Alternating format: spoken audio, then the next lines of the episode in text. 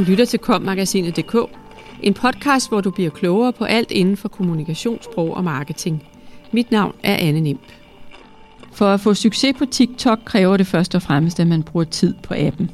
Man skal lære sproget og humoren at kende, og så skal man løbende holde øje med, hvad der trender.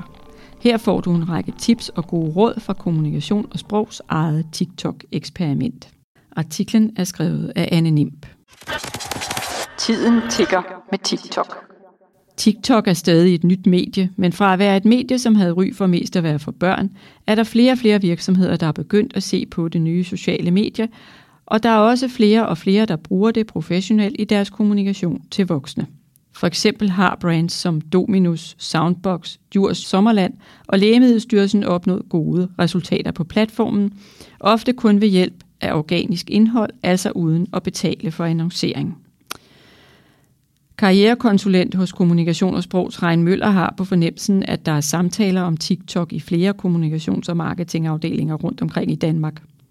Rigtig mange af vores medlemmer sidder i generalistroller i kommunikations- og marketingstillinger, så må ikke flere af dem går og grubler lidt over, hvad TikTok kan bruges til, og om de skulle prøve det af, siger hun. Men hvilke typer virksomheder giver TikTok mening for? Giver det for eksempel mening for en fagforening? Det besluttede vi i kommunikation og sprog at afprøve. To medarbejdere, Mia Christiansen og Line Skydskov, fik i foråret 2021 grønt lys til at oprette en virksomhedsprofil. De var begge på TikTok i forvejen, og syntes, det var en sjov platform, der virkelig gav mulighed for at være kreativ. Og så kunne vi se, at der var begyndt at komme danske brands, som havde succes derinde, fortæller Line og Mia. Lyden er i fokus. På TikTok består indholdet af videoer på op til et minut, og lyden er central. TikTok har et stort bibliotek af musik og lyde fra kendte musikere, klip fra film og lydbidder, som brugerne selv tilføjer. Det er helt klart lydene, der bærer indholdet på TikTok. Der er hele tiden forskellige lyde, der trender, og hvis man kan hoppe med på en trend ved at bruge en bestemt lyd, pusher algoritmen automatisk dit indhold ud til flest mennesker, siger Line Skydsgaard. Hun og Mia Christiansen holdt øje med, hvilke lyde der trendede, og dermed kunne bruges til at formidle fagforeningens budskaber. For at få succes på TikTok kræver det helt klart, at man bruger noget tid på appen. Til at starte med skal man lære sproget og humoren at kende, og så skal man løbende holde øje med, hvad der trender. Der er også en masse inspiration at komme efter herinde, mener Mia Christiansen. Tre videoer om dagen i en uge. Et godt sted at få gode råd om TikTok er nemlig sjovt nok på TikTok.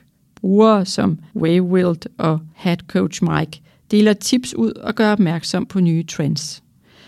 Det var en af dem, der kom med et råd om at lave 21 videoer til at poste tre om dagen i en uge. Et råd, som Line og Mia valgte at følge. Efter at have postet et par videoer på vilkårlige tidspunkter, besluttede vi at prøve at poste tre videoer om dagen i en uge. Det skulle prime algoritmen til at skubbe ens indhold ud til flere. Det tog noget tid at idéudvikle og filme 21 videoer, men det viste sig at være det værd, siger Mia Christiansen. Da de begyndte at poste, så de nemlig hurtigt en effekt. Den fjerde video, de postede noget ud til 34.000, fik 1700 likes og over 100 kommentarer.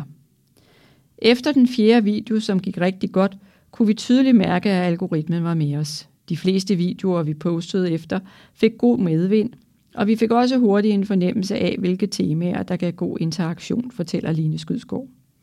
For eksempel kommenterede folk flittigt og stillede spørgsmål til en video om, hvilket spørgsmål en arbejdsgiver må stille til en jobsamtale. Så de lavede videoer, hvor de svarede på de spørgsmål, der gik igen. Vi kunne se, at folk både var interesserede i at blive klogere på, hvad der er op og ned juridisk til en jobsamtale, og på, hvad man kan svare, hvis en arbejdsgiver for eksempel spørger, om man planlægger at få børn. Kommentarfeltet er en effektiv måde at blive klogere på, hvad folk synes er spændende, og så dele ud af den viden, man sidder på i sin organisation eller virksomhed, mener Mia Christiansen. Simpelt og godt. Hun og Line Skydsgaard fandt inspiration fra andre brugere på appen, og de prøvede sig frem med forskellige typer videoer. Overraskende nok var det ofte de videoer, der var lettest at lave, som klarede sig bedst og fik mest interaktion, siger Mia Christiansen. Derfor begyndte de hurtigt at fokusere på at lave simple videoer. Det gav også mulighed for at reagere hurtigere på kommentarer og gribe temaer, som fangede folks interesse. Vi ville selvfølgelig gerne lave noget sjovt indhold, men samtidig havde vi jo også nogle budskaber, vi gerne ville kommunikere. For eksempel om, hvilke rettigheder man har på arbejdsmarkedet, siger Lene Skydskov. Og hun mener, at mange brugere på TikTok gerne vil mere på platformen, end at have det sjovt. De vil også gerne blive klogere. Og hvem er brugerne? Over få uger fik Kommunikation og Sprogs TikTok over 500.000 visninger, 14.000 likes og 600 kommentarer. Et rigtig flot resultat. Men indtil videre er der desværre begrænset viden om brugerne på TikTok. TikToks analyseværktøj fortæller dig, hvornår dine følgere er aktive, deres køn og hvor meget de interagerer med dit indhold, men du kan for eksempel ikke få deres alder at vide, siger Mia Christiansen, som mener, at mange virksomheder er tilbageholdende med at afprøve platformen, fordi der er en fordom om, at det kun er børn, der bruger den.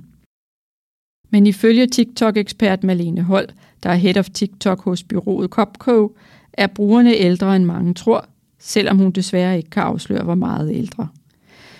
De brugere, der interagerede med vores indhold, stillede spørgsmål om barselsrettigheder, løn under sygdom og jobsamtale, så vi fik ikke indtryk af, at det var børn, vi kommunikerede med, siger Line Skydsgaard. Du lyttede til kommagasinet.dk, podcasten til dig, som elsker kommunikationssprog og marketing. Subscribe, del og lyt med i næste uge. Podcasten er indtalt af Anne Nimb og Ask Lermand, produceret af Mark Justesen Pedersen og udgivet af Kommunikation og Sprog.